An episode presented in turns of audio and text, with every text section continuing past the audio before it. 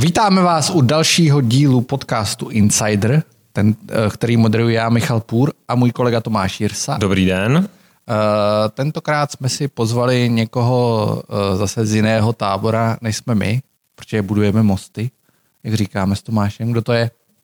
Pozvali jsme si, a teď já trošku přemýšlím, jak vás představit, ale snad se neurazí, řeknu zámeckého pána Matěje Stropnického. Jo, tak to je přesně charakteristika Dobrý den, které jsem, které jsem se jako, ano, no, tak jo.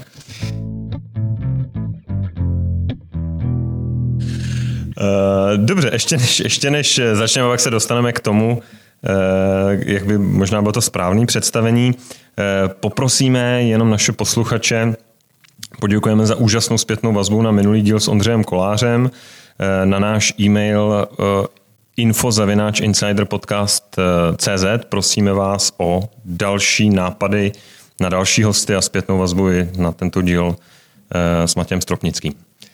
Takže vítejte. Dobrý den. Jak, jak bych vás správně měl představit? Já jsem novinář a politik. Novinář a politik. I když teď nemám žádnou veřejnou funkci, tak se vlastně přesto svým způsobem cítím být politikem i dál, protože o těch věcech přemýšlím a uh, novinářem jsem i podle vystudování, takže uh, píšu do novin teď asi víc než kdykoliv předtím, čili vlastně takhle. Mm-hmm. Podle místa bydliště bych se úplně necharakterizoval.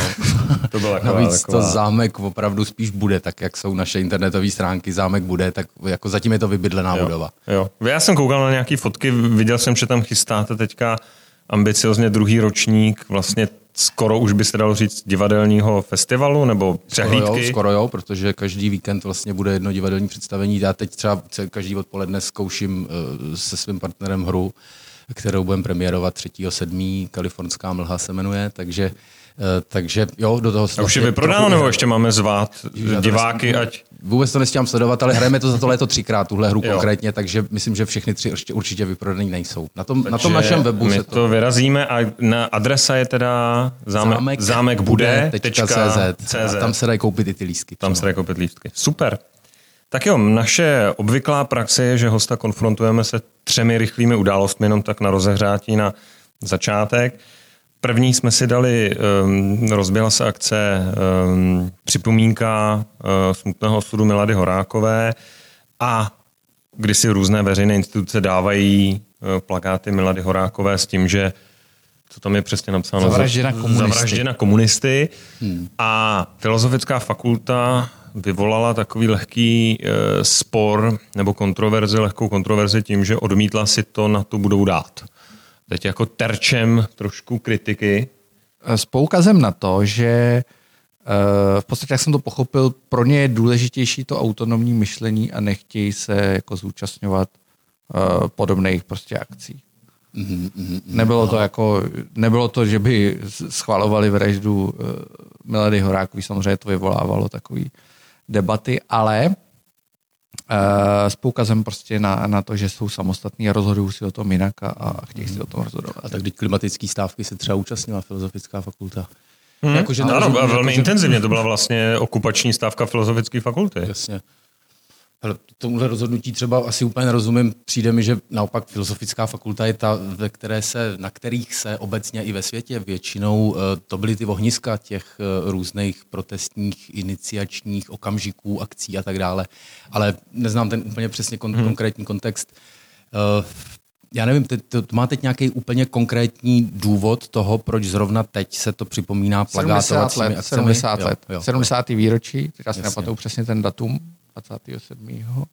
Je to 70 let a je to jakási, eh, je to prostě taková jako veřejná iniciativa, kdy k tomu jsou i na sociálních sítích různé grafiky, jako s Mladou Horákou. Myslím si teda, pochopil je to jsem iniciativa správně, dekomunizace se to Že to součástí bylo i to, jak promítali ano. ve sněmovně tu Mladou Horákou těm komunistům na ten, na ten jejich tiskový mm-hmm. meeting. Mm-hmm. Jo nevím, připomenutí prostě historických událostí vždycky podle mě asi správně, zvlášť pokud se ale eh, do toho nesnaží někdo promítat nějaký svůj konkrétní aktuální politický cíl a to tak jako dost často bývá, to je celá ta pomínková teď jako debata nad vším tady za poslední rok, to je Koněv, to je osvobození, to je prostě Mariánský sloup, to jsou všechny tyhle věci. Jsou to kulturní války, kterým já se snažím čím dál tím méně věnovat, protože jsou zástupní, vyvolávají lidi, kteří nechtějí, aby jsme se bavili o podstatných věcech, takže čím dřív tohle téma opustíme, tím líp. okay. Tak druhá, to, to asi podobná taky spadne, věc. podobná věc, to asi taky spadne um, do, do té kulturní války. Eh, čas, ta jako jakási autonomní zóna, pokus o anarchismus, lomeno komunismus eh, ve Spojených státech. Nevím, jestli jste to měl šanci sledovat. Vůbec nevíte? Ne, ne, ne, tak to mě úplně v, Sie, v, to je skvělý. V Světlu vznikla, vznikla prostě autonomní zóna, kde ano, není ano, policie. Tak už vím, akorát jsem nevěděl, jo. že se jmenuje takhle. Dobře, se čas. A teď se rozhodli, že tu autonomní zónu uh, rozpustí, protože hmm. se tam zastřelili tři lidi včera. Nebo předevčírem. Takže uh, prostě autonomní zóna bez policie. Je, hmm. Jak to hmm. jako vnímáte vlastně celou tuhle debatu? Uh, je to, asi to souvisí prostě s tím, jako šířejíc i s těma protestama, který eh, teď v Americe odevírají různé debaty na to, do jaký míry stát, do jaký míry ta společnost celkově je vlastně utlačivá k jeho jednotlivým členům a k jeho jednotlivým skupinám, řekněme. Ale to, jak, to, jak tohle to konkrétně, to asi nevím, jestli umím komentovat vlastně. Já jsem to zase tolik nesledoval. Víte, tady se vlastně, já jsem vždycky trošku, řekněme, rezervovaný, eh, řekněme, s nějakýma sympatiemi, ale spíš rezervovaný vůči těm um, víceméně anarchistickým projektům typu klinika nebo uh, ty další autonomní centra, které vznikaly předtím, že jo, tak to, klinika nebyla zdaleka první, rozhodně byla nejpropracovanější co do toho plánu, uh, jak tu věc uskutečnit, ale uh, pro mě jsou to jako zajímavé, ale ostrůvky nějakého myšlení spojeného s nějakým činem, pro někoho navíc ještě vnímaným negativně, pro někoho vnímaným pozitivně, hmm. to nevím, ale pro mě je to dost málo významný, se přiznám. Je to hmm. jako zase vlastně okrajová věc, která eh, spíš budí kontroverzi, než aby jako řešila to, o čem mluví, že se má řešit. Dobře, poslední věc. Uh, Vladimír Putin. Uh, Rusko čeká referendum nebo hlasování o tom, jestli o změnách ústavy, uh, kdy Vladimír Putin vlastně bude moci kandidovat znovu na prezidenta a bude jí moci být až do roku 2036. Eh, samozřejmě eh, zase spousta kontroverzí, ten návrh má asi podporu většiny Rusů, ale je to zajímavé hlasování o tom, jestli ta jeho popularita, o ní se mluví, že je nejnižší prostě v historii, co, co je ve vedení země, eh, je skutečně tak velká nebo není. Mm-hmm. No tak to se asi ukáže v tom hlasování. To jo, ale jak by se... je, dneska to bude trošku složitější, stojí proti nám zkušený řečník, ale jak se vlastně díváte na, na tu jeho osobu? osobu? To je, ježiš, to bychom tomu mohli věnovat celý pořád a zase ne, tak znova, tohle jsou tři, tři krátký ne, ne, jenom Jsem štěky. úplně takový velký odborník jako zase na prostě ruské reálie a hlavně kontext těch reálí současných těch posledních 30 let, protože um, já jsem hluboce přesvědčený o tom, že žádnou takovouhle postavu jako je třeba Putin, a to není jediná, tak teď je tahle je nejviditelnější, asi pro tu střední Evropu obzvlášť je to prostě důležitá země, která se tu občas taky objevuje, že jo? Eh, tak je potřeba být samozřejmě ostražitý vůči tomu, to, to já jako sdílím, ale na druhou stranu toho Putina, toho jsme si vytvořili trošku sami. Jako 90. léta v Rusku, to je prostě to, co si tady připomínáme jako Klondike počátku 90. let, zhasnuto tma, bez zákonů, prostě všechno rozdělení, vznik miliardářů a tak dále, no tak tohle v Rusku na entou, na entou entý. E,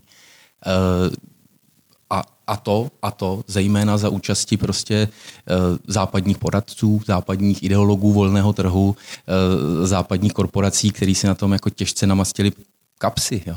Čili a tomu, v čemu předsedal věčně ožralý Jelcin, který ho si západ hýčkal jako prostě někoho, kdo je vlastně loutka. Eh, na tom se podílel taky ten Boris Němcov, jo, který mu tady prostě pražská hmm. kavárna hmm. vytváří jako náměstí a dělá z něj eh, nějakýho hrdinu. Tak já to teda musím říct, moc nevnímám.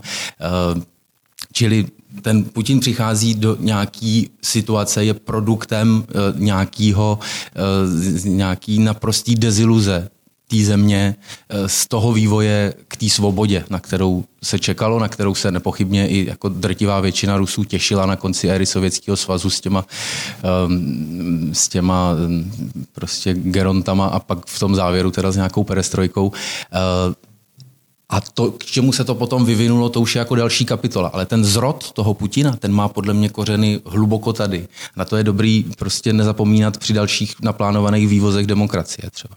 Hmm. Jasně.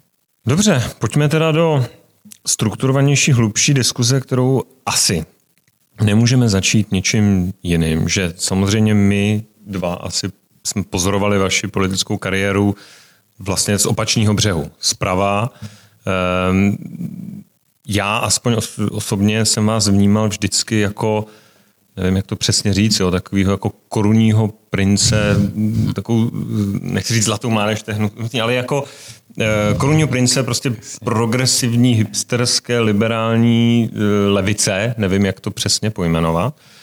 A asi o to víc jsme vlastně šokovaně četli Eh, rozhovor eh, s Vráťou Dostálem na Infu, měsíc starý, možná dva, to je, to je díl, možná. Eh, kde je mm, z toho našeho pohledu, z toho prava, pozorovatelný zásadní myšlenkový posun, asi i, bych řekl, nějaký jako životní vývoj a jiný pohled na, na věci.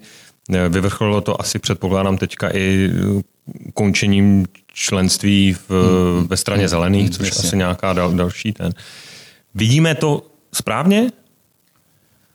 No, já myslím, že tam jako určitě nějaký posun je. To, to bych eh, Mm, to, to se nedá ani zastírat, ani to nechci, protože jsem konec konců k tomu publikoval i několik jako textů, nad kterými jsem měl tak říkajíc plnou kontrolu, protože jsem je sám napsal eh, a členství v Zelených jsem po 17 letech ukončil s koncem letošního května. To rozhodnutí ve mně zrálo nějakou docela dlouhou dobu. Ehm, určitě souviselo s tím mým pokusem v závěru tu stranu vlastně vést a vést jí do voleb, pokusem neúspěšným, eh, kdy jsme v těch volbách v roce 2007 vlastně neuspěli těžce, ale zárok, zárodek toho neúspěchu byl vlastně jako daný dávno dřív, možná už v okamžiku toho mého zvolení. Ehm, já se vlastně nechci úplně moc pouštět do jako detailních debat o příčinách různých problémů zelených, protože jako mimo jiné i proto jsem tu stranu opustil, abych už je nemusel řešit. Jo. Um, ale Určitě jsem mm, jako pochopil za ty roky tam, nebo ze svého pohledu pochopil, že e, to zelené prostředí má nějaký strop, má nějaký limit a e, vlastně ten limit spočívá hodně v tom, že je vlastně to prostředí ochotný prosazovat ty zelené věci nebo ty věci, které jako pomáhají životnímu prostředí z pohledu těch zelených. To se dost často ještě navíc jako dost podstatně liší od toho, co si představují lidi venku, že by měli zelený mm. dělat, nebo co by se mělo dělat pro ochranu životního prostředí dost často liší, tak vlastně tam byl jako, jako nárůst těch identitárních otázek, který uh, se týkal jednotlivých menšin, menšin v těch menšinách. Všimněme si, jak třeba ta zkratka GLBT, ta, ta nemá vůbec konec, ta prostě pokračuje pořád dál, za chvilku už z toho bude slovo. Uh, já se tomu jako vlastně nechci vysmívat, ale nemyslím si, že to je program pro politický, hmm. pro politický uskupení, eh, ani pro takový, který má jako hlavní cíl ochranu životního prostředí, což jsem myslel, že zelený mají, ať už se třeba lišíme v tom, kde vidíme hlavní příčiny toho znečišťování. Um, i ty řešení, ale uh, anebo i pro levicové subjekty, uh, jejich zájmem má přece být hájit většinu lidí protože většina lidí je na tom dneska mm.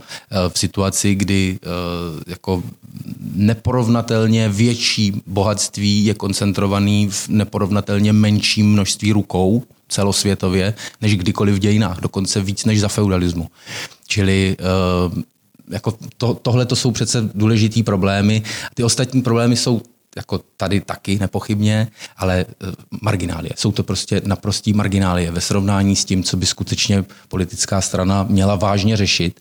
A s tím se taky pojí um, neschopnost jako uspět. Ne, ne, hmm. ale je tam prostě ten základ, kde ten, ta nemožnost překročit ten vlastní stín, překročit vlastně uh, na nějakou dobu upozadit třeba, nebo úplně upozadit tenhle ten typ agendy. Uh, to jsem tam poznal, že to prostředí to nedokáže prostě. Hmm.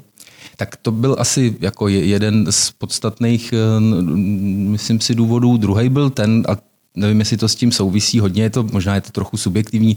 Jak jsem se přestěhoval na ten venkov, tak se by přece jenom otevřeli jiný trochu um, jiný, obzory. no obzory, to je možná až nadnesený, jo. spíš uh, interakce? jiný interakce, jo. jiná debata s lidma, eh, s jinýma lidma, uh, s těm lidma, kteří chodí do jiných typů prací, který uh, sledují jiný média, který se zabývají jinýma věcma, který politiku vlastně moc neřešejí, kterým stát spíš jako popravdě řečeno překáží, nic, nic moc od něho neočekávají ani.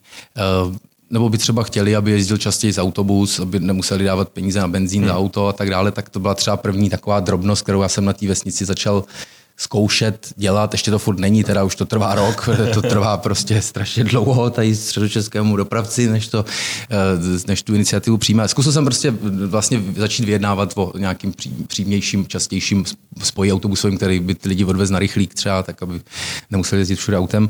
Protože bez toho auta, to třeba byla taky zkušenost pro mě, teď říkám něco, co je pro všechny lidi jako na světě známý dávno, ale pro, pro nás, který jsme, já jsem fakt jezdil úplně všude MH MHD po republice, i na kampani. I, a dneska jsem jste přijel A dneska jsem sem přijel teda taky vlakem.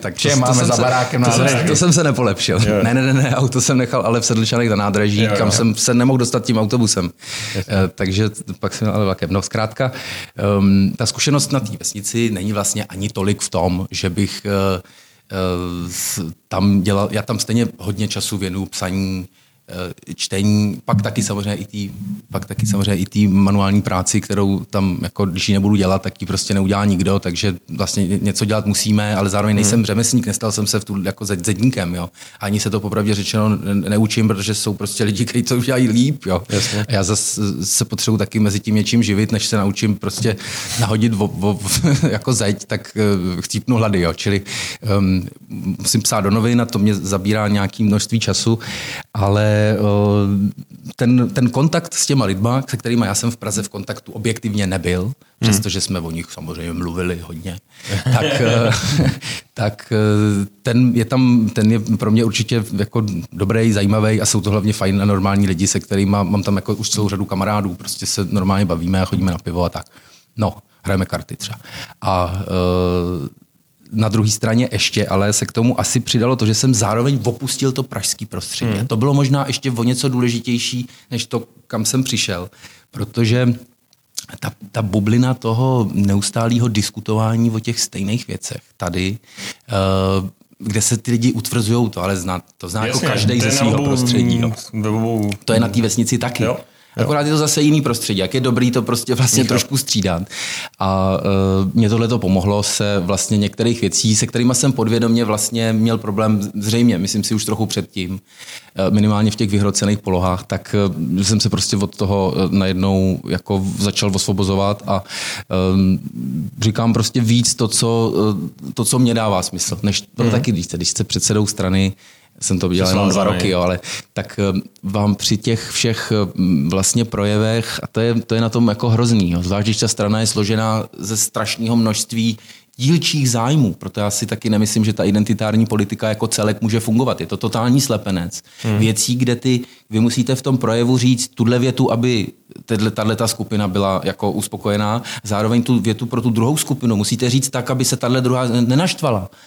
A to mě to bylo tak stresující vlastně strašně, eh, že se pak vůbec nedalo říct nic jako jednoduchého, srozumitelného, podstatného, co eh, by sdílelo větší množství lidí, než ta eh, malenkatá parta lidí u Facebooku, která sledovala ten projev naprostý peklo. Tohle toho jsem se jako s velkou chutí zbavil a uh, nevím, jestli je to problém všech partají, možná prostě je to problém každého člověka, který stojí ve vedení a musí vlastně uspokojit větší množství zájmů v tom, co říká. Ale uh, chci teď větší svobodu v tom, co si uh, jako můžu říkat. Říkám hmm. to teď prostě za sebe a to je v tom docela uleva. A to, je, to mě jako zaujalo nejvíc, že vlastně od toho rozhovoru s tím Vráťou který vím, že se jako poměrně dlouho připravoval, já jsem se, už, už jsem furt chodil za vrátil, říkám vrátil, tak kdy, kdy? No jo. Říkám, počkej ještě chvíli, počkej ještě. A tak od toho rozhovoru, jako ten veřejný prostor je vás docela plný, nebo aspoň já to sleduju, že i, i ty články, uh, plný z našeho pohledu. Jo. Jasně. Uh, mě zajímá na tom, jako vlastně může politik, jako vy říkáte, jste novinář a politik, jako fungovat mimo tu stranickou strukturu? Hmm, to já nevím, ale já jsem zatím nestraník 14 dnů, tak mi ještě dejte no, chvilku na to, tak jako já, abych to proskoumal. Já, já jsem já... strávil půlku života v té straně. ale spíš jako ve smyslu, jestli uh, ty plány máte, že stejně se někde jako snažíte uchytit, čemu se pak hmm. dostaneme k té vaší hmm. eseji, tady, kterou chceme probrat, uh, jestli vlastně je vůbec nějaký hráč na politické scéně, který vám je sympatický. Je, no tak jednak na té na té levici a teď já se vlastně, to slovo je hodně poškozený, je hodně prostě sprofanovaný, spousta lidí si pod levicí představí právě jenom tyhle ty identitární boje hmm. Týkající se těch menšin, případně hlídání toho, jak kdo mluví a eh, vlastně taková kontrola permanentní. Eh, čili vlastně i to slovo samo o sobě je dost problematický. Ale já se jako rozhodně hlásím k tomu, že, eh, že mě zajímají a chci eh, pomoct tomu, aby se obnovila politická síla v, polit, v tom prostoru, který tu existuje, který bude ale hájit eh, lidi práce, když to tak řeknu úplně jednoduše. Běžní lidi, kteří prostě žijou od vejplaty k vejplatě, takových lidí je prostě velká spousta. Já to teď hmm. vidím tam na té na vesnici víc, než jsem to viděl v Praze. Věděli jsme, že existují jejich spousta na té vesnici to vidím, ty eh, lidi vstávají ráno, jako největší formol u nás na návsi je v 6 ráno, protože to jede ten autobus, kterým všichni hmm. odjíždějí do práce, ty, kteří jedou autobusem. A ty lidi přijedou ale odpoledne a často jdou ještě do druhé práce. A tohle to je vlastně, jako to jsou věci, o kterých mě přijde, jako kdyby se tady úplně přestalo mluvit. A to někdo musí začít říkat hmm. tak eh, já zatím jenom hledám vlastně způsob, kterým um, by se to dalo dostat do toho, um, a teď si někdo řekne, a proč za něm proč jako o nich mluví někdo, kdo nemá tyhle ty problémy. Proč vlastně hmm. někdo, jako, kdo si tam ještě žije na zámku, Maria, že jo? tak co, co to jako je? No jo, ale tyhle lidi nemají čas. Tyhle lidi nemají čas se vůbec jako dost často si ani uvědomit ten stav, ve kterým, ve kterým to, trvá hrozně dlouho. Na tý, třeba na té vesnici v té hospodě, až po, nevím, půl, tři čtvrtě roce jsem se občas s někým, protože mě to zajímá, tak jsem se bavil o tom, a co ty vlastně děláš za práci a hmm? Jak je to placený, nebo jako k takovým věcem jsme se tam dostali, abych si udělal trošku představu, jestli to je tak, jak si myslím. A ukazuje se postupně, že to prostě v mnoha případech tak je. To je všechno úplně mimo zákonník práce. Hmm. Tady je nějaký zákonník někde ve vzduchu, tady je nějaký inspektorát práce, já nevím, ale jako ta realita, ta realita je už úplně dávno někde jinde a tohle to přece sakra musí někdo řešit. To se týká, z toho jsou pak jako m, strašný spousty nespokojených lidí, který vlastně, jejich hněv se přelévá a tu se hmm. naleje do Babišova eh, prostě eh, tady konglomerátu a tu se naleje do nějakého SPD a tu se obrátí proti migrantům a tu se obrátí proti něčemu dalšímu, protože to prostě nikdo neřeší. Hmm. Tak eh, mně přijde, že jako já teď vnímám svůj nevím, jestli úkol, to zní tak příliš nadneseně. Prostě to, co mě zajímá, to, čemu se věnuju, když na to mám jakoby čas a i v, těch, v té publicistice, um, obnově politického pole, který podle mě tady jako uh, má velký potenciál a vlastně je potřeba uh, ho najít ve spolupráci s těma lidma a začít se zabývat, jako neposlouchat tolik to, že uh, se v tom prostředí lidi vyjadřují uh, ostře, že to spousta lidí vnímá jako xenofobní, že to spousta hmm. lidí vnímá jako nějaký nahnědlý. Ne, ty lidi se vyjadřují tak, jak umějí, tečka. To hmm. je prostě hmm. jako, uh, pojďme poslouchat to, jestli náhodou pod tím nejsou podstatnější problémy, který je vlastně těžký pomenovat. A uh, já prostě se budu pokoušet tohle to nějak najít. No. Nevím, jestli to říkám mě to, ne, mě to, mě to přivádí ale... k jedný takový myšlence, kromě... Že by si chtěl vstoupit do, do strany Matěje Stropnické. Já, já, žádnou stranu nemám, jo. Ne, ne, ale může, co není, může být. Eh, mě, k tomu, co vy říkáte, mě napadá jako spousta otázek, no postřehů. Jeden, hmm. jeden z nich, který mi sdělil, jeden takový zákusní rád, říká, hele, Aha. levice um, vlastně vyhrála, a teď časově 19. 20. století uh, byla schopná jako zavést a, a dojít až k těm svým jako největším excesům, hmm. ale vlastně ho vyhrála a ta pravice byla zavřená e, v těch svých golfových klubech a tak dále. A dneska se ta mm, vlastně trochu se ta situace obrací, kdy dneska ta pravice, nebo to, co bylo vnímané jako pravice, a můžeme to zosobnit třeba Trumpem a jeho vítězstvím nebo hmm. Brexitem, vlastně začíná reprezentovat ty modrý no. límečky, jak se no, říká. Jasný. A ta levice není zavřená samozřejmě ne v golfových klubech, ale je zavřená v univerzitních. Eh, knihovnách nebo safe spaces a přemýšlí o 125 tématech, kdy hmm. ty svoje potenciální voliče přesně roz, rozděluje do do 30 skupin podle toho, podle jejich sexuální orientace, jako hmm. rasy, úplně všeho. A teď jako eh, je to jejich jako intelektuální zábava a mezi tím ta eh, jakási modernizovaná pravice, jestli se to dá vlastně v tomhle kontextu ještě nazývat pravicí, jim vzala část toho jejich elektorátu.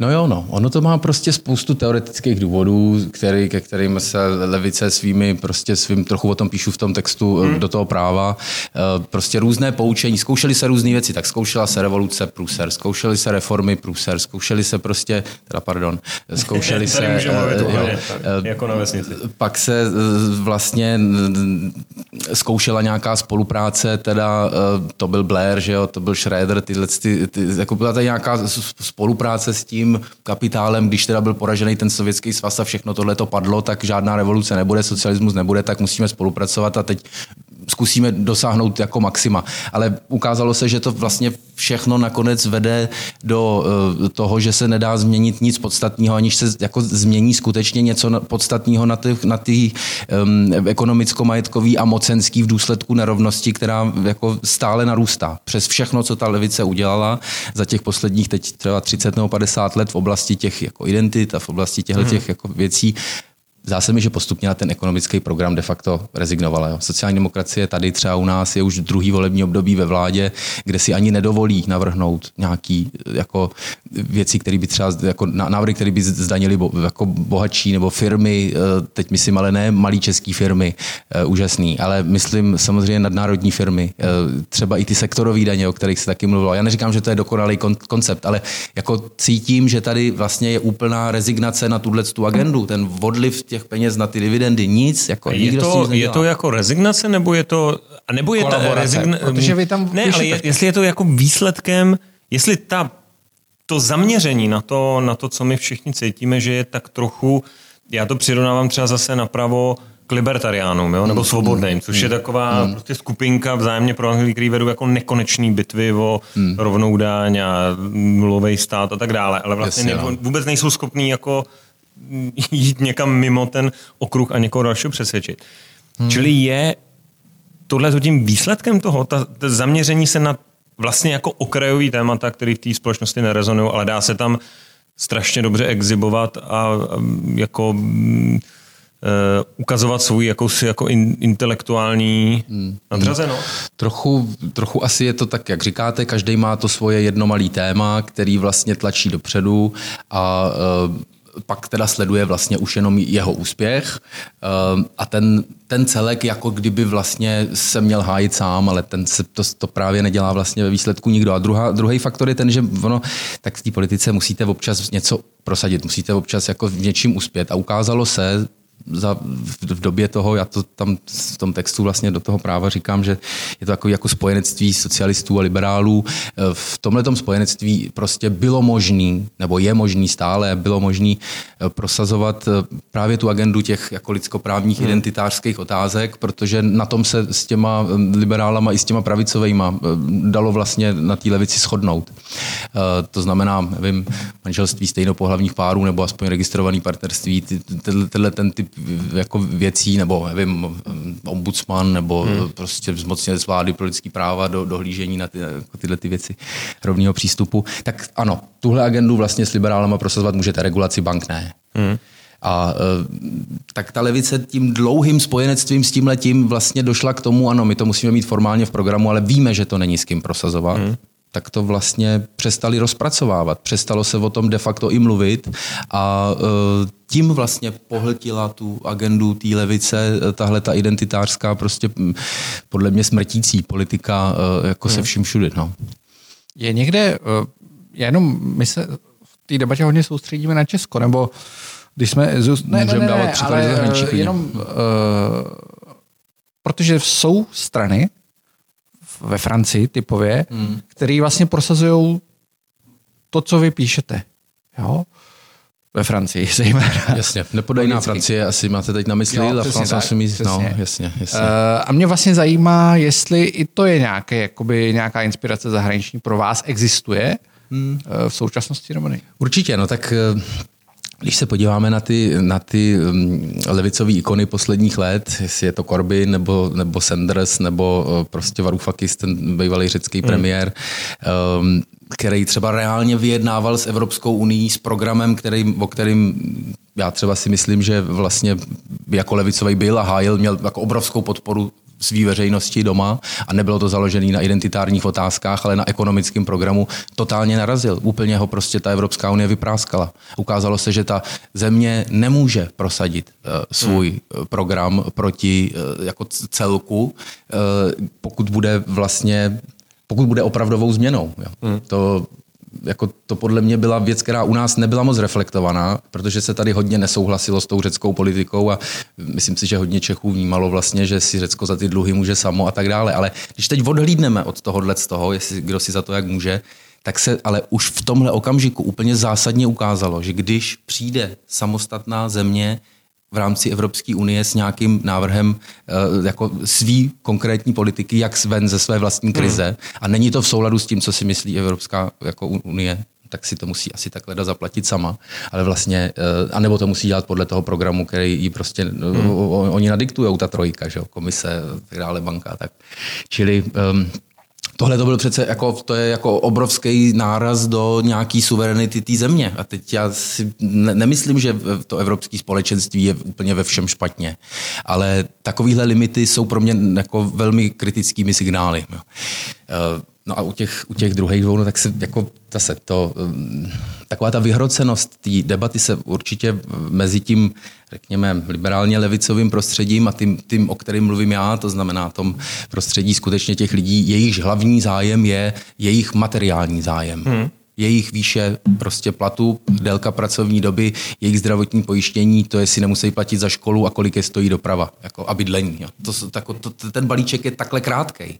Hmm. Uh, a jako to, že, ten, to, že, to, že třeba Jeremy Corbyn v čele Labouristů se snažil vlastně tyhle ty dvě věci propojit dohromady, ale byl tam prostě i tenhle ten, jakože pro celou řadu liberálně levicových médií, kterých teda v Británii není úplně milion, ale řekněme, že Guardian třeba, tak... Eh, ten má ale vliv teda celosvětový, to tady je. Ano, ale eh, tak to vlastně bylo moc, to bylo moc levicový na to liberálně levicový prostředí. Bylo tam málo těch identitárních jako detailů takže ho prostě uvařili na nějakým vymyšleným, vykonstruovaným antisemitismu, který opravdu u něj jako nemá vůbec o co se opřít. A e, pak najednou se ocitnul úplně bez, bez, jako bez spojenců, protože ty hmm. liberálové tohle to byla pro ně vlastně překážka pro toho, jako vůbec podporovat. No. Takže myslím si, že eh, takhle, abych ne, ne, jako nešel vlastně do detailů všech těch. A u toho Sanderse taky ten jeho program toho zdravotnictví pro všechny si to pořád tady podle mě, nevím, jestli si to uvědomujeme, eh, tady mají všichni přístup ke zdravotnictví. Stejný, rovnej, máme prostě povinný pojištění. Ano, všichni na něj nadávají, protože jsou ty zdravotní odvody vysoký a snižují prostě výplatu, ale e, jako výsledek je ten, že když vám něco je, tak vám prostě ta, jako nikdo vám tady nebude přepomoc. Jo. Zatímco v té Americe prostě je několik desítek milionů lidí, kteří prostě tohle to nemají vůbec. A ten jeho program, který tohle to měl vlastně udělat rov, rov, jako přístupný pro všechny, tak byl považovaný všema za radikálně utopický, tak jako od koho se má kdo co učit, jo? Hmm. My jsme, trošku jsme se posunuli a mě ještě... No, pardon, tr- ne, eh, ta diskuze dobře plyne, ale mě ještě zajímá trošku se vrátit k tomu vašemu přesunu z té Prahy. Byl, hmm. Co bylo to první? Bylo to první chci zmizet tady z toho trošku prostředí, kde už jako na mě moc, chci si dát vlastně trošku pauzu a jít ven a hmm. trošku si i utřídit myšlenky a někam se třeba posunout, anebo ten posun přišel až jako řekněme s tím nárazem tam na ty nový, jak jste hmm. říkal, interakce, hmm. na ty, hmm. jako, co byl větší faktor? Hmm, to je dobrá otázka. No, uh, takhle, my jsme, jako, já když jsem prohrál volby, tak uh, první plán nebyl, že si koupím zámek, jo. Ku podivu. To by mohl být dobrý plán spíš po vyhraných volbách. no, no, no, no. Tak uh, ne, ne, ne, já jsem původně si říkal tak, teďko z, z, vlastně první, první plán byl, že chci vysadit nějakou álej k výročí založení Československa, to bylo tehdy rok předtím, říkal jsem si, tak bude álej, to je za rok, to stihnu připravit. A udělám něco, já jsem už chtěl konečně udělat něco, co bude vidět. a Ukázalo se z mnoha důvodů, že katastry a pozemky a majetky a tak dále vůbec to nebylo možné. A, a začal jsem ale najednou vlastně hledat uh, v různých prostě mapách a katastrech a tak dále. Pak jsme se na, s partnerem na několika místech byli takhle podívat a uh, najednou jsme začali prostě uvažovat o tom, že bychom se jako z té Prahy přestěhovali a pak se začalo hledat a pak až to trvalo třeba půl roku, pak teprve jsme třeba začali se koukat po nějakých památkově chráněných objektech a pak teprve přišlo tohle z toho, kde jsme se úplně zbláznili a pak jsme začali schánět prostě peníze a tak. Čili myslím si, že tohle to, jako to celé nebylo úplně tak, že bych věděl, že jo. když prohraju volby, tak jdu dělat tohle. To, to nebyl takhle plán úplně. Jo. A uh, No, když se ptáte ale na tu jako trochu proměnu toho myšlení, no tak eh, ze mě prostě začala, začal padat ten nános eh, těch eh, vlastně různých ústupků a snahy o soudržnost toho šíleného nesourodého celku. Takže k tomu pak jako ten venkov přispěl a taky vlastně to, že jsem nastoupil na, na sociologii, na, na, na fakultu, hmm. jako si, já jsem už předtím chtěl dělat vlastně doktorát, hmm. ale nedostal jsem se prostě tehdy k tomu, pak už jsem nastoupil do nějakého na nějaký veřejný funkce a teď jsem se k tomu vlastně vrátil.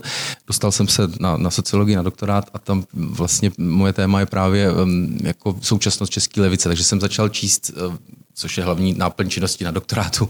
Když ne, nepřednášíte přímo, tak, tak prostě čtete o tom, co se teda děje v zahraničí nejdřív, abych si udělal vlastně jako detailní představu o tom, um, jaký strategie různý, hlavně po roce 2008, to bylo jako to, je ten, to datum, od kterého um, datuju tu současnost, řekněme, jaký byly prostě různé strategie té levice, proč uspěli, proč neuspěli, ve směs neuspěli, um, kam se kdo dostal a tudíž, co je potřeba zkusit vypozorovat, jaký možnosti má prostě v českém prostředí a tím pak zkusit třeba navrhnout něco jako praktického, politicky praktického. No.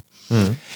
Takže i tohle to byl asi faktor a mm, nevím, nevím, jestli, ještě, nevím, jestli ještě a, něco zásadně jiného. A když se dostanete, jo, protože vlastně jste vystoupil z té bubliny a teď pořád asi jako v, v rámci, řekněme tomu, pražská bublina nebo liberální bublina, máte řadu přátel, kamarádů, známých a vstoupil jste do jiné bubliny, což je Malá vesnice. Hospoda ve Jasně. středočeský vesnici, řekněme. Jasně. Jo. Která je poměrně nicméně typická v tom, že prostě ta vesnice je dost běžná. Kde Není... vy jako víc narážíte teďka?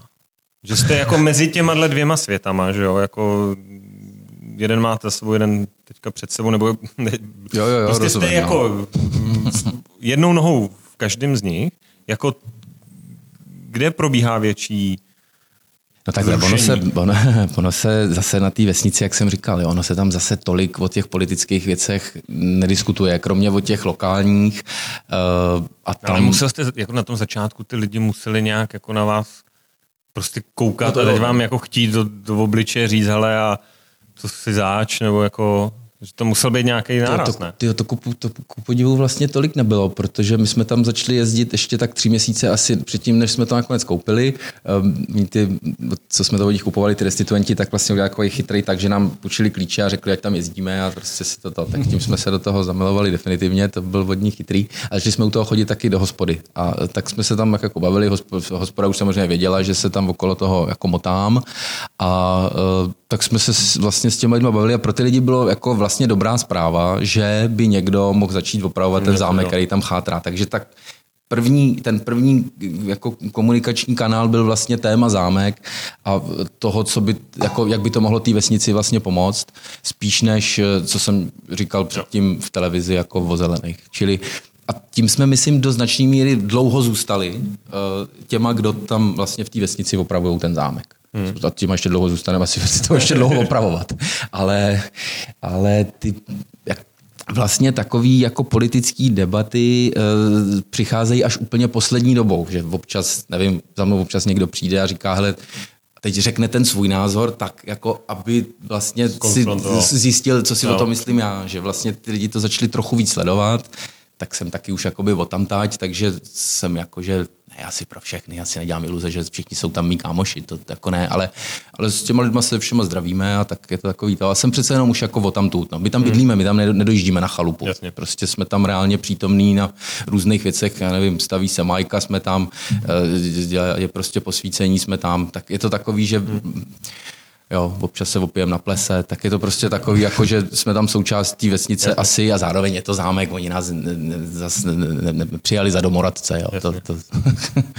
Já navážu ještě na, na Tomáše trošku. A jak vlastně m, mm, přijali už, už u zelených, že jste, že jste s nimi rozešli. My jsme tady totiž měli uh, hmm. Magdalenu Davis, uh, spolu předsedkyni strany zelených a tam jako byla to dobrá debata, prostě fungovalo to dobře, řekl bych spíš, že to je takový bursíkovský křídlo, než hmm. uh, to jakoby progresivistický, ale vlastně když jsme se na vás zeptali, nebo ptáme se, tak oni vlastně se vyhejbají trošku hmm.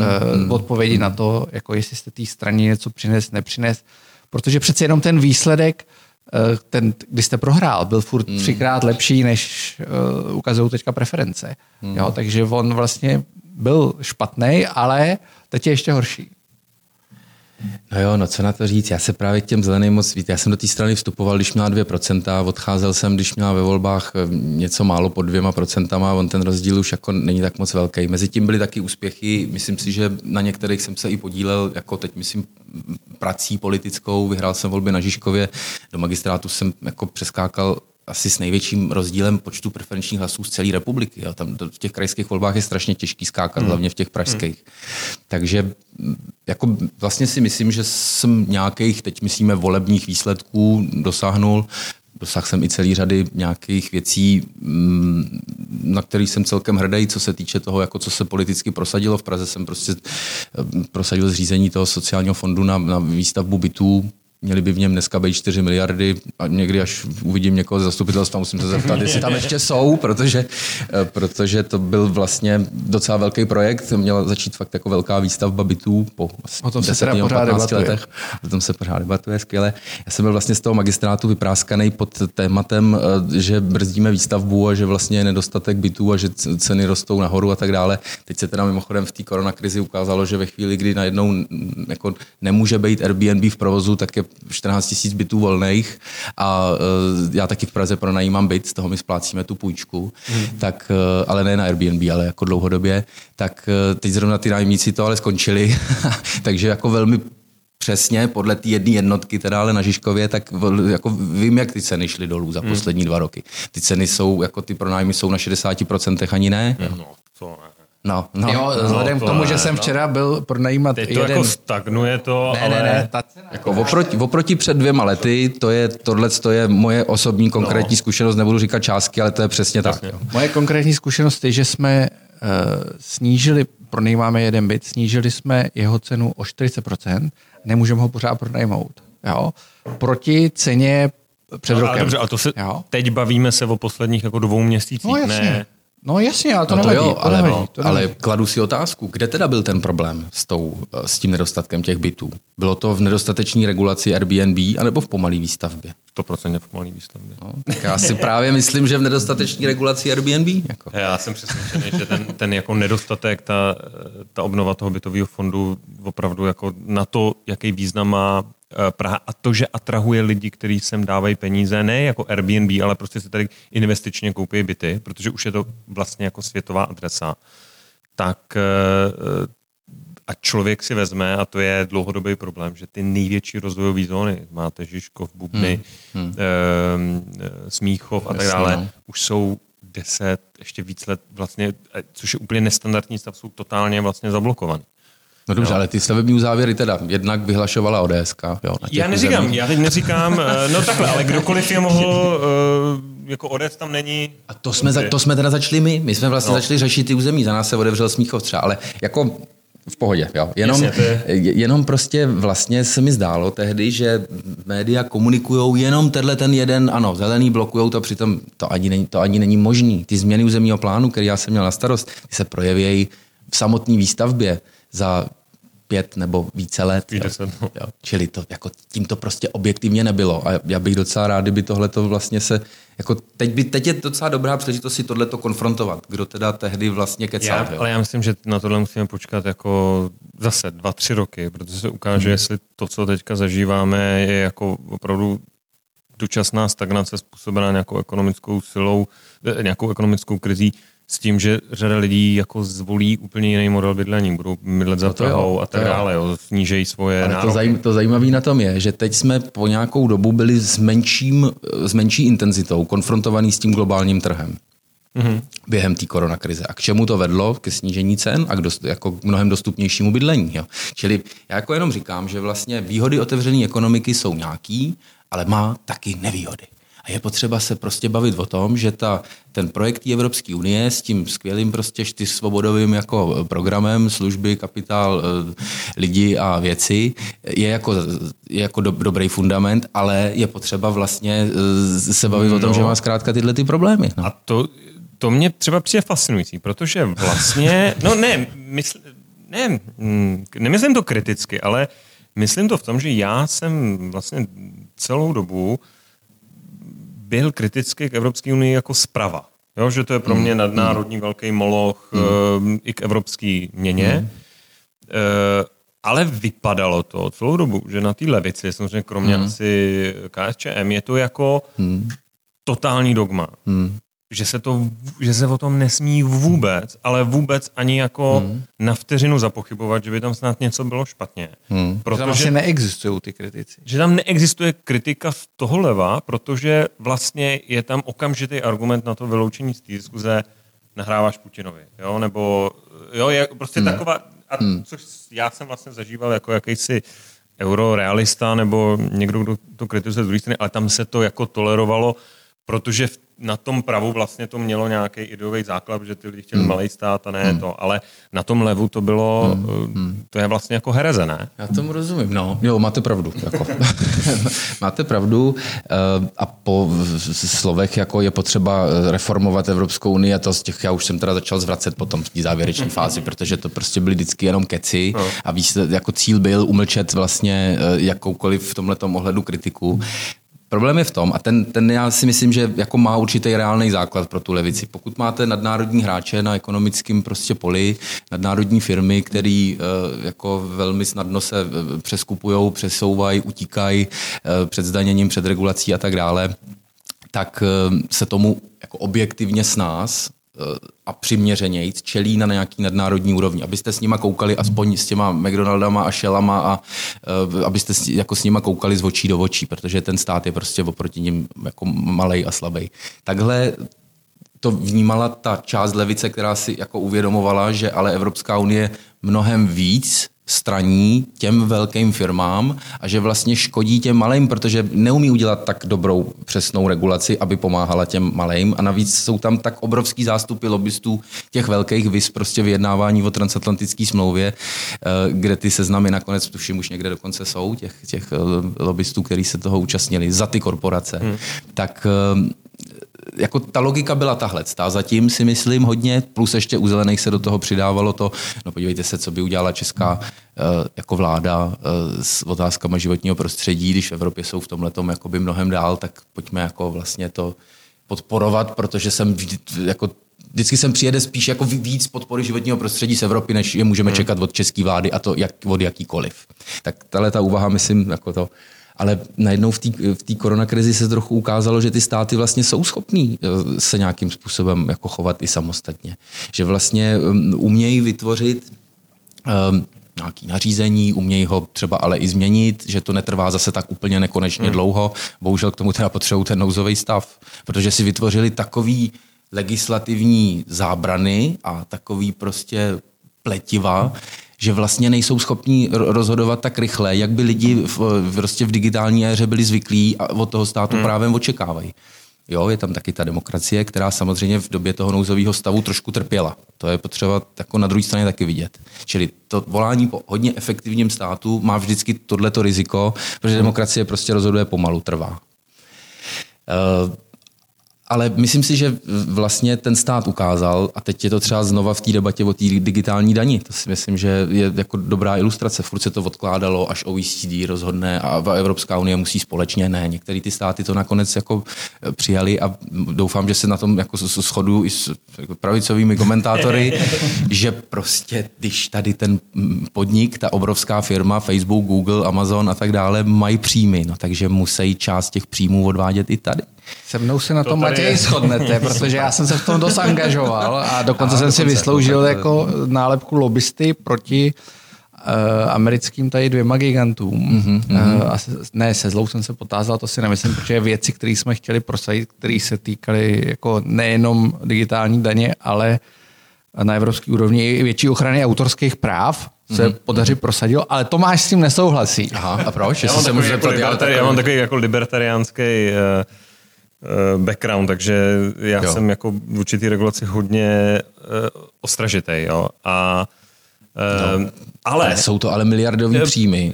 Dobře, já prostě... si ale myslím, že když má, když někdo vymyslí dobrý business model, tak má mít jako schopnost mít miliardový příjmy. Ale Dobře, oni nedají ani v té domovské eh, zemi. Jako, jo? Problém je, když na regulovaném trhu funguje neregulovaný monopol. Sou, souhlas, že vzniká podle mě velký problém a de, debata byla e, strašně zajímavá, byla na srovnání seznam, no, no jasný, jako vlastně no, lokální jasný, česká no. firma a teď bylo to zdanění, e, já nevím, kolik to bylo, Stovky, jako bylo to stovky milionů. 200 milionů korun hmm. ročně. myslím dokonce, no. Hmm. A proti tomu Google s úžasnou Tatianou Lemoyne, která obchází všechny konference a říká, jak to skvěle funguje, který měl hmm. asi tak jako desetinový hmm. Eh, daně, jo, hmm. platil v Český, hmm. no, v Český republice. V podstatě žádný, no, ale v podstatě téměř, při vyšších tržbách, než má seznam. Ne, když se, no. jako přece platí v zásadě to, to pravidlo, kde se podniká, tam se musí dodržovat pravidla, který tam platí. Tohle, to, se, tohle to se uplatňovalo i třeba určitě migrantům. Přijdou sem, dobrý nebo špatný, podle toho, kdo Jasně. na to má jaký názor, ale musí dodržovat jo. zákony, které platí tady. Ale internetové platformy na to namítají, že jsou internetové platformy a neplatí pro ně žádná regulace. Jo, jo, jo, jo, no, jo. No a ta právě ne, proto musí vzniknout ta nová. Že jsou nad zákonem, že jsou nad zákonem. Ano, a to byla Mě... přesně tak. A na to, je právě, na to byla právě ta odpověď. Jsou-li oni nad státem vlastně, tak je potřeba postavit něco, co s nimi umí mluvit prostě přímo. A to měla být Evropská unie. Blbý je, že prostě výsledek je velmi často spíš ten, že nakonec ta unie podlehne tomu přesně tak. No. Uh, ale Uh, tady, tady já, já stojím mám... s Matějem na jednom břehu a Tomáš na druhém.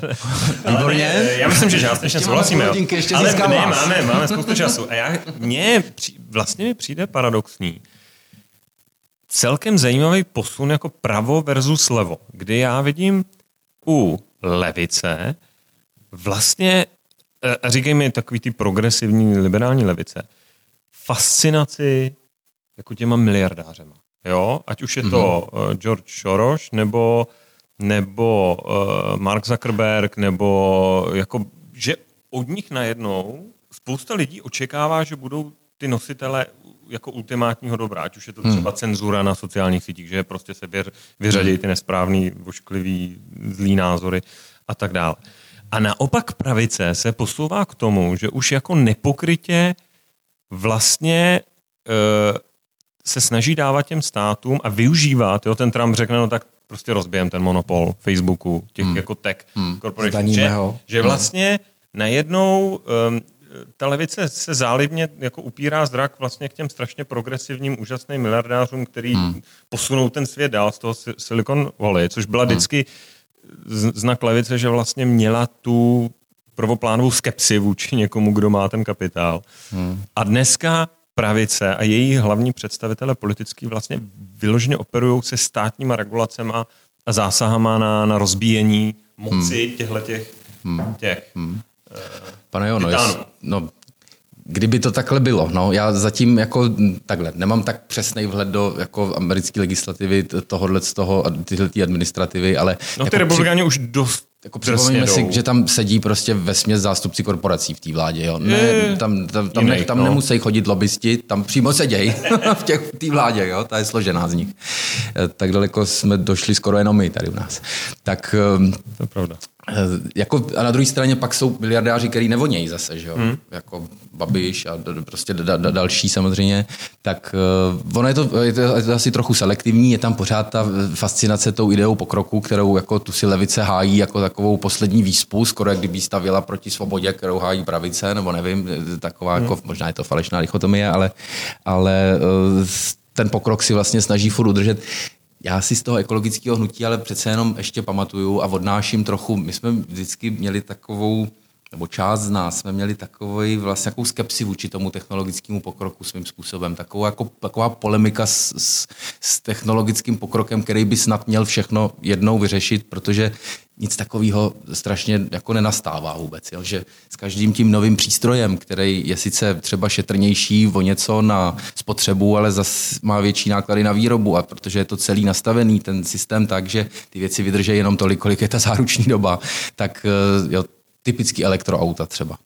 Ano, tak je to samozřejmě o něco ekologičtější pohon v tom smyslu, že nemá tolik když emisí, když ano, ale výroba a taky se ta elektřina někde musí vyrábět, hmm. že jo, čili má to jako zase celou řadu představa, že se teď promění celý vozový park eh, západního světa na, na elektromobily. No to je samozřejmě sen všech elektromobilek, jo. ale eh, jinak to, to není sen přírody úplně. Jo.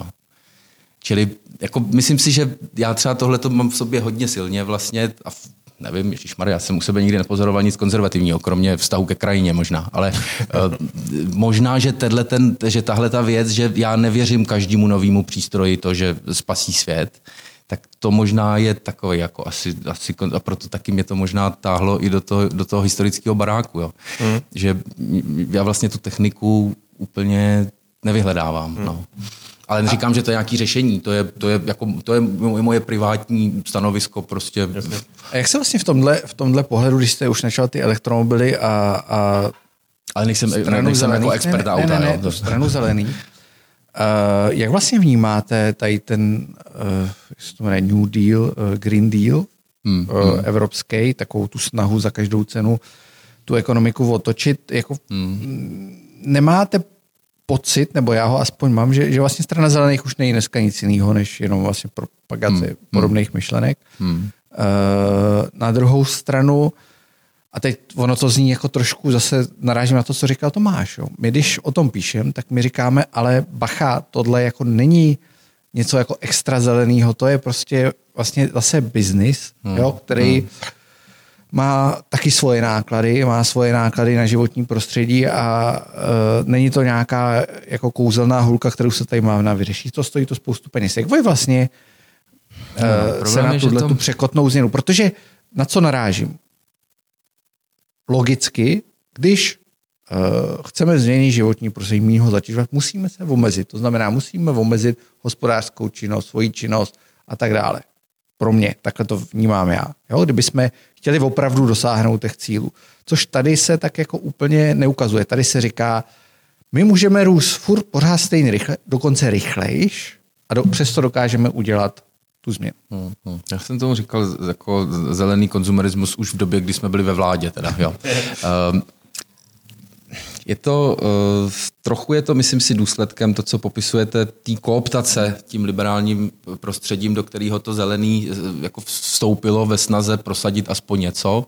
A ten důraz toho liberálního prostředí vždycky byl, uh, zapomeňte na regulace, uh, musíme se bavit o jako inovacích, investicích, moderních technologiích a jako o, o, o těchto těch progresivních probiznisových opatřeních. A ty jsme schopní s váma prosazovat tak, aby byly jako v souladu s životním prostředím. Čili to zelené uvažování začalo vlastně přemýšlet tímhle směrem. Výsledkem toho je mimo jiné ten Green New Deal, který má hmm. eh, teď na stole Evropská komise a budeme mít brzo tady taky na projednávání. Ehm, já si o tom trochu myslím to, co říkáte vy. Já to jako, musím říct, že jsem v tom trošku rozpolcený, teda, hmm. když se mám přiznat, protože eh, je mi zřejmý, že mm, vlastně forma a rozsah znečištění, eh, který se odehrává, když bude pokračovat dál, tak má prostě dopady, má jako velký dopady a eh, těch firm, který ale znečišťují, je velmi malý množství. A já si třeba myslím, že smysluplnější, než někomu financovat jeho vlastní biznis a jeho technologickou inovaci, jeho nějakou jako nákup nových strojů, když to úplně hmm. zjednoduším, um, aby se teda ze spalovacích motorů staly najednou elektromobily, tak eh, je prostě lepší získat ty prostředky eh, toho, že se jako zdanějí ty externality. Já si prostě pořád po staru asi trochu myslím, hmm. že je potřeba vypočítat u těch nejškod, začít u těch nejškodlivějších prostě provozů a u těch spočítat, jaký teda vedlejší náklady to jsou, jaký jsou náklady na tu kamionovou přepravu mezi těma věcma, protože tady se vyrobí na jednom místě, převeze na druhý, tam se zabalí, převeze na třetí a to je po Evropě, aspoň v horším případě po celém světě. Čili ten, ten výrobek jako obletí všechny kontinenty kontinenty. To není možný. To je prostě mimo jiné, protože ten letecký benzín není zdaněný. To jsou věci, hmm. které jsou podle mě dost evidentní a jsou i jako vysvětlitelné. Jsou to evidentní nespravedlnosti, jsou to vylobované výjimky pro některé odvětví. A e, ty si myslím, že je potřeba nejdřív vlastně zalátat a z toho vznikne docela velký příjem potenciálně který, a pak je otázka, jakým způsobem takovýhle příjem jakoby, eh, eventuálně rozdělovat. Evidentně žluté vesty dali jako ve Francii jasně najevo, že s zvyšováním prostě daní z pohoných hmot to teda rozhodně nebude, protože po té, co se jim seškrtali za Širakových a předchozích vlád jako um, veřejná doprava v regionech, my máme teda výbornou furt veřejnou hmm. dopravu. Já na začátku jsem mluvil, že k nám nejezdí dostatečně často autobus, jsem v tomto ohledu zříčkán, jako. No, jezdí, i do té malinké vesničky prostě třikrát za den přijede. Hmm. No.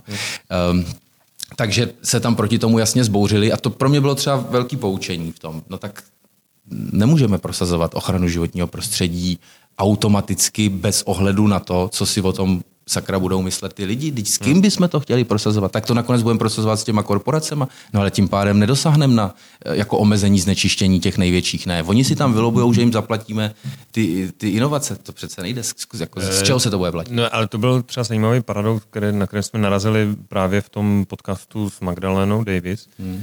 Eh, kde jsme se bavili a řekli jsme jí, asi obě ty strany, my i, i ona, jako vnímáme životní prostředí jako, jako hodnotu. Hmm. Jo?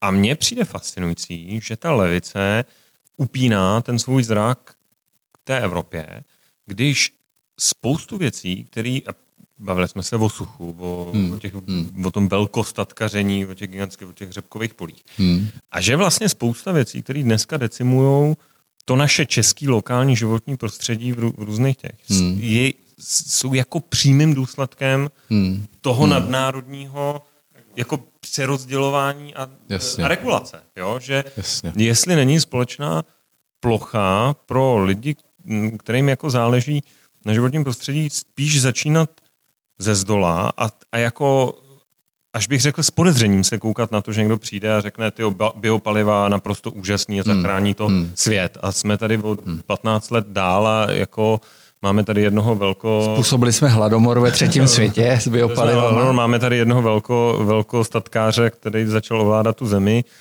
a máme všude, všude jako stojíme, já, já, s, já s váma dost souhlasím, ale co ta pravice vlastně reálně nabízí? Je proti většímu státu, čili vlastně nechce, aby stát eh, jako dělal velké investice a stavěl vlastně velký díla. Je proti dotačním systémům, protože nechce, aby se zvýhodňovalo nějaký podnikání na úkor nějakého jiného. Eh, je vlastně proti teda tomu, aby se to celkově dělalo dohromady v rámci Evropy, že si to máme udělat tady a nechat to úplně jenom eh, na... Takže co, co, co, co se, jako v čem spočívá ta ochrana životního prostředí ze strany strany té pravice. Abych to jednou rád slyšel, protože vlastně nevím, co to je. politici. já taky ne, já jsem novinář. Ne, ne, na začátku jste že jste, jo, že jste jo, politik, jasný, jo, ale eh, čili je to vás, jo. Ehm, Mně jenom jako, fa- spíš ten dotaz směřuje k tomu, jestli eh, když se bavíme o těch eurostrukturách a o těch hmm.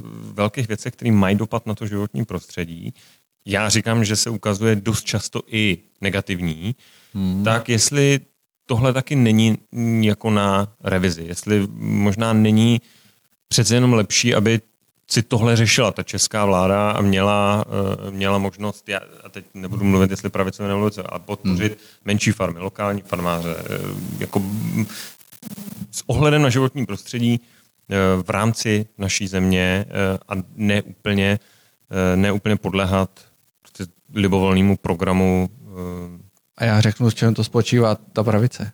Teda naše mhm. pravice, no. která nemá žádnou stranu politickou. Jasně. To založíme jednou. Uh, no, máte médium ta, pro začátek, ta, to jste na tom líp než já. Ale, ale až si... Eh, ta až, až to, až... Uh, Insider stranu. Ale nejdřív musíme ten zámek. Jo. A potom... A co s ním? No ne, nejdřív mít jako zámek, tam Jo, takhle. jako jít mimo Prahu, tvořit, tvořit zásadní dílo a pak teprve se vrátit. jasně. do toho Ne, ale uh, ta... Já když mluvím s, něk, s pravicovým politikem, tak mu říkám, m- dá, kladeš málo, málo důraz na životní prostředí. Mm. Málo. Mm. A je to konzervativní hodnota. Mm. Může Číslo to, jedna, může to být číslo tak jedna. chápaný rozhodně. No. Může to být číslo jedna. Já říkám, ty máš jako postupovat selským rozumem. Adaptace, ne revoluce. Jo? Prostě máš se adaptovat na prostředí. Máš pěstovat potraviny, nikoli v palivo. Jo? Prostě my pěstujeme uh, palivo. Nemáš se snažit změnit něco, co změnit nemůžeš.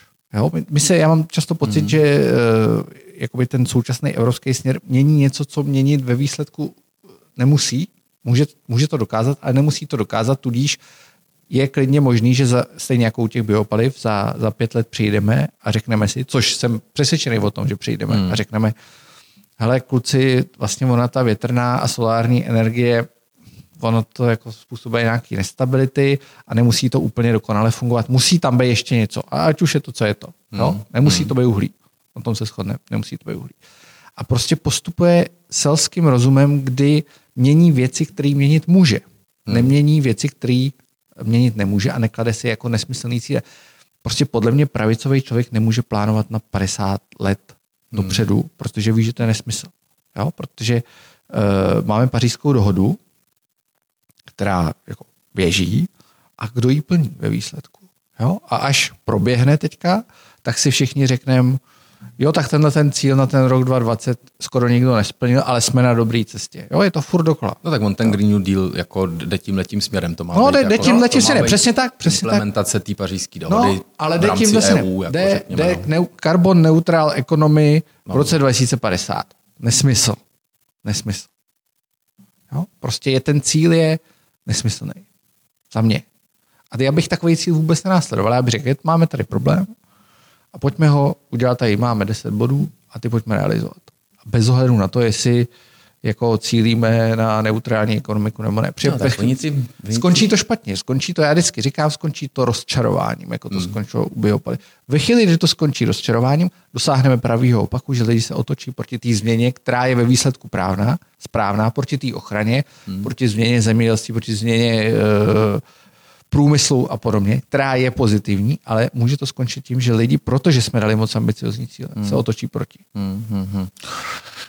Jasně, no, tak uh, uvidíme. Oni zase ty atmosférické věci a ty věci, co se týkají prostě emisí, jsou jako, oni jsou globální, jo. No to jako, zatímco uh, ten pohyb těch služeb a těch věcí, tak je přece jenom ještě trošku vázaný na povrch zemský, takže tam se prostě dá říct, že takhle a nejinak a dá se to prostě jakoby ovlivnit, ale ty emise to vám proudí úplně kdekoliv. Čili tam jako nějaká mezinárodní kooperace na tom, jak vlastně tyhle ty otázky řešit, jak to krotit. A tam já třeba velkou úlohu té Evropy vlastně vidím v tom, že tam má tu sílu toho trhu. Tam najednou nemůže vlastně říct eh, to, co se říká na úrovni těch národních států. No, když my tady uděláme moc ostrou tu regulaci na nějaký velký biznis, nevím, třeba ArcelorMittal, tak oni se seberou a půjdou pryč. Ale z té Evropy si nemůže nikdo dovolit odejít. To znamená, ta výhoda toho velkého trhu, tak jak já ji vnímám hlavně, tak má být k tomu, aby opravdu tlačila na ty velký hráče a aby eh, ty podmínky se pokoušela vlastně narovnávat.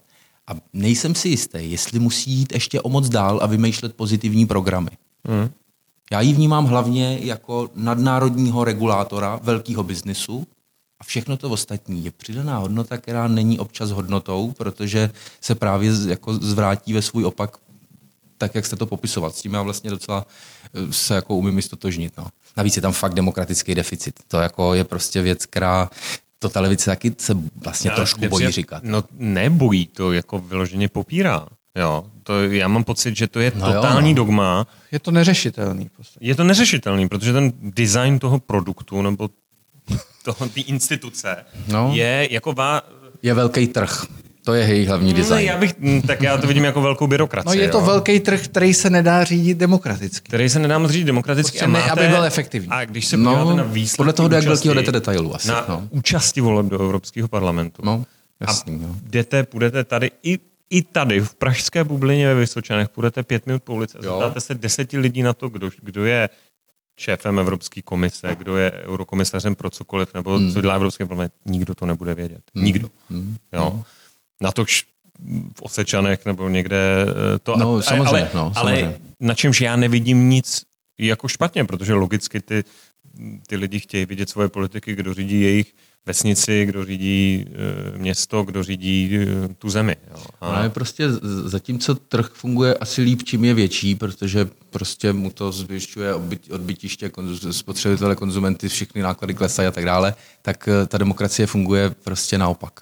Hmm. Čím menší je ten, ten, to územíčko, na té vesnici každý ví, co starosta slíbil a jestli to dělá nebo ne. Ani nemusí mít napsaný program. Hmm. Ani nejsou v žádný straně ty zastupitelé tam, že jo. Um, čili jako, a to, to vlastně neříkám teď, že naše vesnice je ukázkovým příkladem demokracie, ale vlastně uh, je, je to trošku takhle. No. Takže ta, ta Evropa mi přijde, že je taková snaha najít někde na půl cesty toho globálního a nadstátního, ale jak říkám, já ty jako problémy vidím a vlastně si myslím, že ten stát se, ten v uvozovkách národní stát, ale není důležitý, že je definovaný hmm. národně. Je důležitý, že je definovaný uh, legislativně. Jo. Hmm. To znamená, na svém území může na základě výsledků voleb říct, že něco bude takhle anebo takhle na základě zákona. To já si myslím, že je potřeba začít znova využívat a nebát se toho, že někdo, uh, no dobře, tak ten Google uteče. Ježíš Maria. Hmm. Tak jako seznam si nic jiného nepřeje, myslím. Jo. Doufám, že mě tam zítra pozvou. Ale přijde mi to strašně nefér tohleto. V čím, v čím zájmu tohleto vlastně, na- nad čím ta vláda pochybuje? Jak to, že to snižují ze 7% na 5%? Tak jako... Protože pan premiér dostal dopis od Donalda Trumpa a Donald Trump mu řekl, že když uh, to pro podepíše, nebo když ten zákon stoupí v platnost, tak omezí český investory. A těch je tam docela dost. A někteří jsou i podporovatelé jeho strany. Hmm, hmm, hmm, jasně, no. No to je právě to. Tady, se, tady je jako exkluzivní přístup lobbystů, tak to vidíme teď jako dokonce před, před oponou, ne za oponou jako obvykle. Teď to tady vlastně defiluje uh, a ten lobbying probíhá v přímém přenosu a to je přece právě nepřijatelný. Jako pokud vláda dospěla k závěru, tady je korporátní dan co, 19%, tak uh, jak je možný, že tyhle ty firmy budou mít už jenom, že budou mít 7? Jak je to možný? Hmm. No tak to, mají to nejnižší daně všichni teda, jako jo, to, Jo. ale Pojďme prosadit sedm pro všechny. sedm pro všechny. Ještě teda uh, jedna věc, která mě eh, hodně zajímá, vlastně jsme se, uh, jsme se jí tak jako dotýkáme. Můj zase pohled zprava. Pravice, já nechci říct myšlenkově umírá, ale jako nemá úplně takový drive eh, nový osobnosti, nový radikální programový vize. My, když zprava koukáme nalevo, ať už jste to vy, případně řada dalších lidí, tak tam evidentně dochází k nějakému kvasu. Něco hmm. se děje, vznikají hmm. nové strany, eh, mm, nastávají na názorové posuny, eh, trošku se vystřují ty vztahy, probíhají hádky. Co se vlastně děje nalevo? No, já myslím, že probíhá eh, debata nad tím, proč eh, je levice neúspěšná, když ve skutečnosti eh, jako standard života lidí minimálně stagnuje a spíš částečně klesá. Jak je to možné? Jak to, že vlastně lidi, kteří by z logiky věci levici mě- měli volit, protože bude mít tendenci se jim snažit pomoct, tak proč vlastně se to neděje a proč naopak tradiční levicový elektorát. Um, a to nejsou jenom klasický dě- dělníci prostě za pásem, ale je to strašná spousta eh, těch eh, polozaměstnaneckých profesí, těch švart systémů, těch lidí, kteří vlastně podnikají na sebe, ale ve skutečnosti jsou placený jako eh, jedním Není to zaměstnavatel, ale typicky prostě v těch, v těch roznáškových službách typu Amazon nebo typu prostě tady DHL nebo ty, ty, tyhle hmm. prostě ty, který teď ještě měli vlastně obrovský nárůst během toho, během toho eh, korona, během té koronáče, že jo. Čili mm, tyhle ty všechny vlastně, ty- tyhle ty, myslím si, o levici vůbec neuvažují dneska. Nebo strašná spousta těch lidí o levici dneska se vůbec nezajímá. Ta, jako částí levice si tohle to uvědomuje, mi přijde, ale neumí se vymanit z toho prostředí, hmm. ve kterým je velmi pevně svázaná. Ono je to vlastně um, jako fajn, když se s těma, uh, s tou široce akceptovanou liberální pravicí, nevím, s respektem, s hospodářkama, s těma, s těma no- novinama. Jenom abych si to ujasnil, respekt je pravice, jo? No pro mě jo, ekonomicky rozhodně. Tak to jsme, kde jsme my? Ekonomicky je prostě respekt, eh, je respekt bě- jako v- čím volnější trh, tím lépe. To teda vůbec takhle nevnímám. Mm. Ale to je zajímavý teda. Mm. To, to jste asi první člověk, no, který to Aha, nám aha. tohle říká. Vidíte. No jako v tak- naší bublině je to, je to jako levicová deviace. Fakt, jo, mm. jo takhle. Tak to je, ne, to je ale vnímaný jako kavárenský, jako, asi- jako, asi jako kavárenský ten, Kavárenský, ten jo. č, č, časopis těch, těch pražských liberálů. Jako.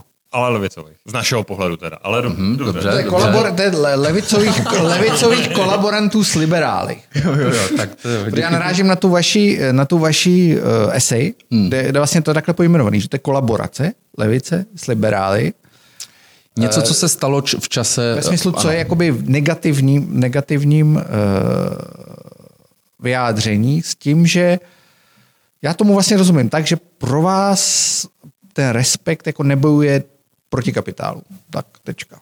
V podstatě. Uh, jo, respekt je smířený s tím, že aspoň co já si myslím, tak respekt je prostě pravicoví liberálové taky topka, třeba stan, jsou strany, které jsou smířený s tím, že eh, tyhle ty nesouměřitelné nerovnosti v té společnosti jsou prostě výsledkem eh, toho, že žijeme v jakési meritokracii, kde každý má prostě to, co si zasloužil, kolik pracoval eh, a tak dále. A důležitý je, aby se u toho v politice nekradlo. Jako, to je vlastně hmm. gro programu těchto těch stran, já tam nic moc dalšího nevidím. No a tohle to re- reprezentuje vlastně respekt a pak to má takovou nadstavbu a ta se týká těch lidských práv a té a tý identitární politiky a tím se to celý prodává. Hmm. Ale to, to, to ne, ne, ne, jako nepomáhá ve skutečnosti k ni- nikomu v ničem. Jo. Co vlastně čtete?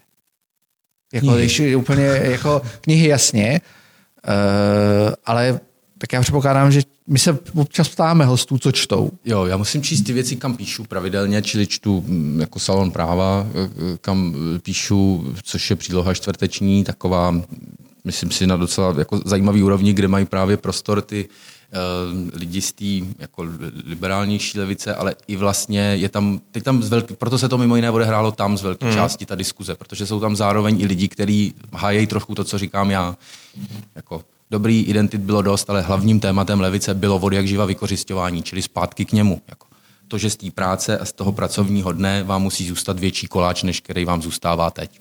Takhle jednoduchý. A tak tahle ta debata se odehrála mimo jiné právě tam. Tak čili, čili to, jako, to samozřejmě sleduju, pak sleduju deník referendum, ve kterém jsem chvilku pracoval. Um, a dvojku se přiznám, že moc nesleduju. Ta je, na, tam je na mě taková hodně jako vlastně experimentální uh, v těch jinakostech a vlastně nevím, co by mi to úplně jako přesně dalo, ale občas si taky přečtu. Některé zahraniční věci tam mají vlastně docela hmm. zajímavý. Um, no, pak trochu čtu deník, protože tam píšu, ne, ne deník N, ale takový ten deník regionální, protože tam píšu komentáře nějakou dobu teď a pak čtu nějaký zahraniční taky a a tvar, a tvar jako, hmm. to je taková, tam píšu o zahraniční četbě, kterou, jako, kterou čtu, tak to je literární časopis, tak vlastně tam zprostředkovávám jako vlastně ty věci, které čtu o té levici zahraničí. No. A vidíte dneska na tom spektru politickým někoho, nějakou osobnost, u který byste řekl, tohle je, ne, že se s ním stotožňujete, ale jako to je člověk levicový v tom vašem vidění, té klasické levici v Česku, hmm. který jako se tomu nejvíc blíží?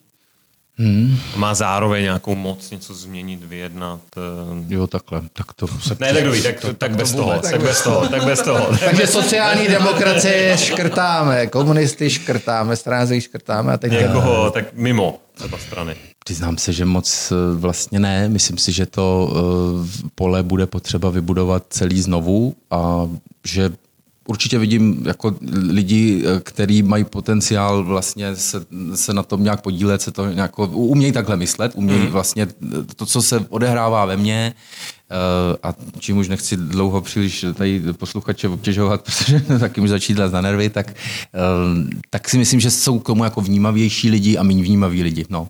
A, A eh, jako v té intelektuální vrstvě, teda kdo je to? Jakoby, jo?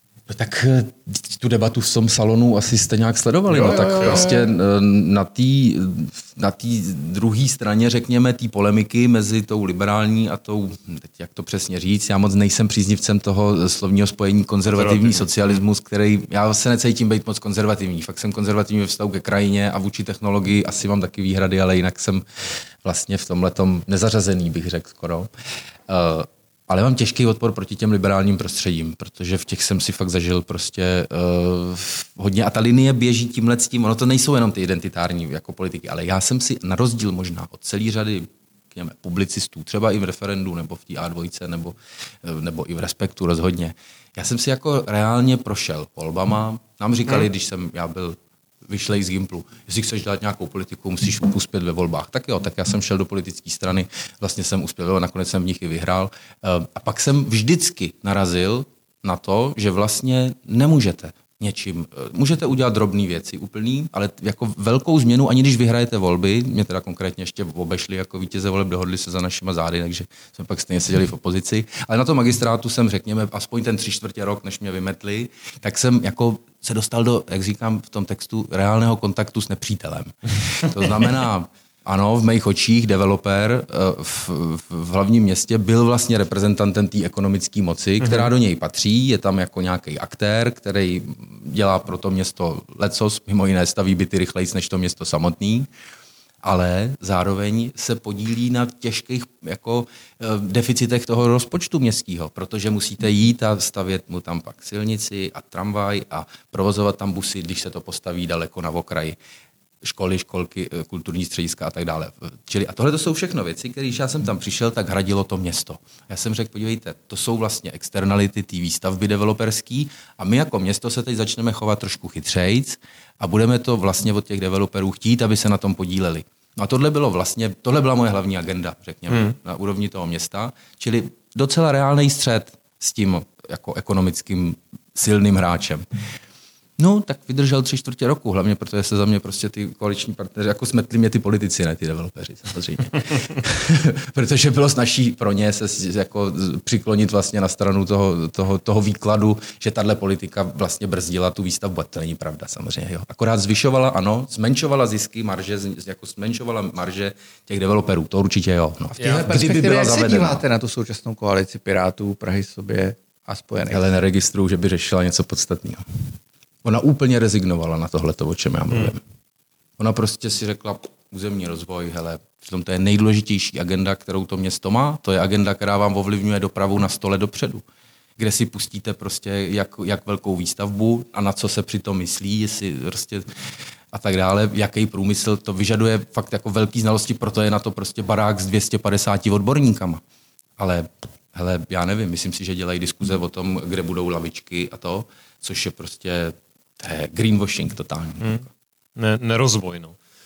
On ten, Já rozvoj, on na ten rozvoj probíhá, ale to město Jo. podle mě ho skoro neovlivňuje. Živelný, no.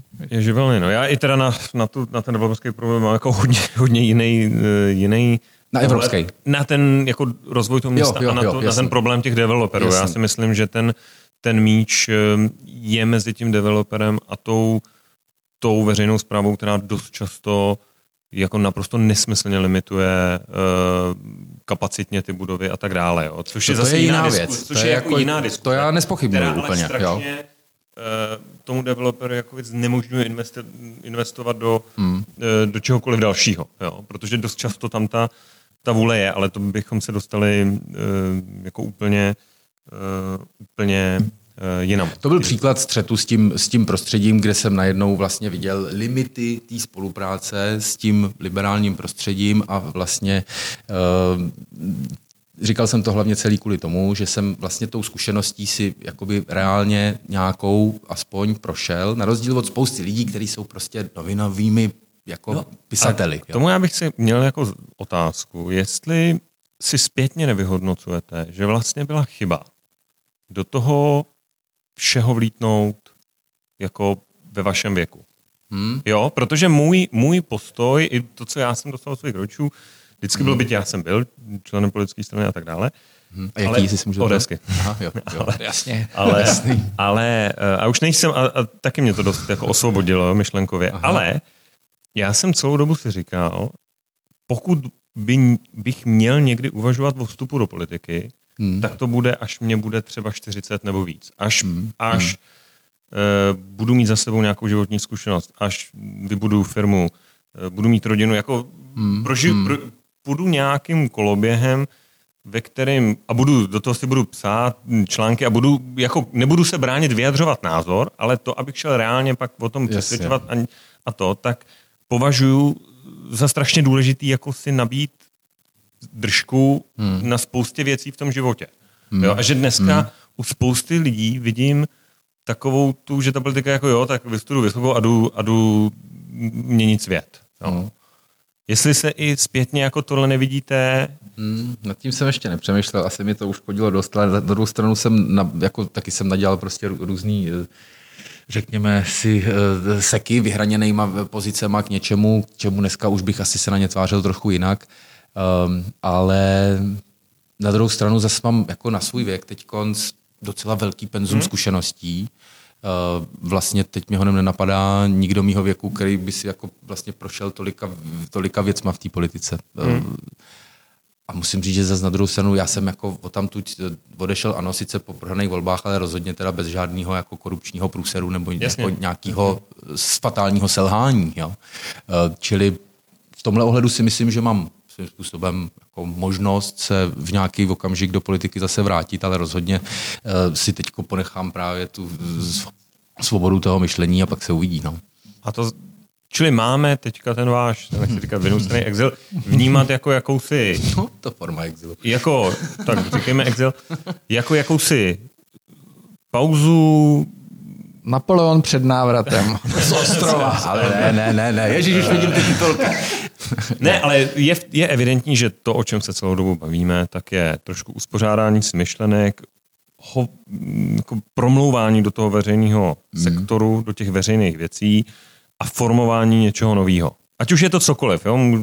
jo ale jako jo. je tam evidentní. Já chci teď poslouchat, číst, sám o tom přemýšlet, psát a tím si to formulovat a uh, u toho uvidím, jestli to, co uh, vlastně bych já chtěl a pro co si myslím, že tu jako vlastně je nějaký prostor, ale nevím, jestli já budu schopen být jeho reprezentantem, mm-hmm. protože prostě nemám dělnický původ ani přítomnost.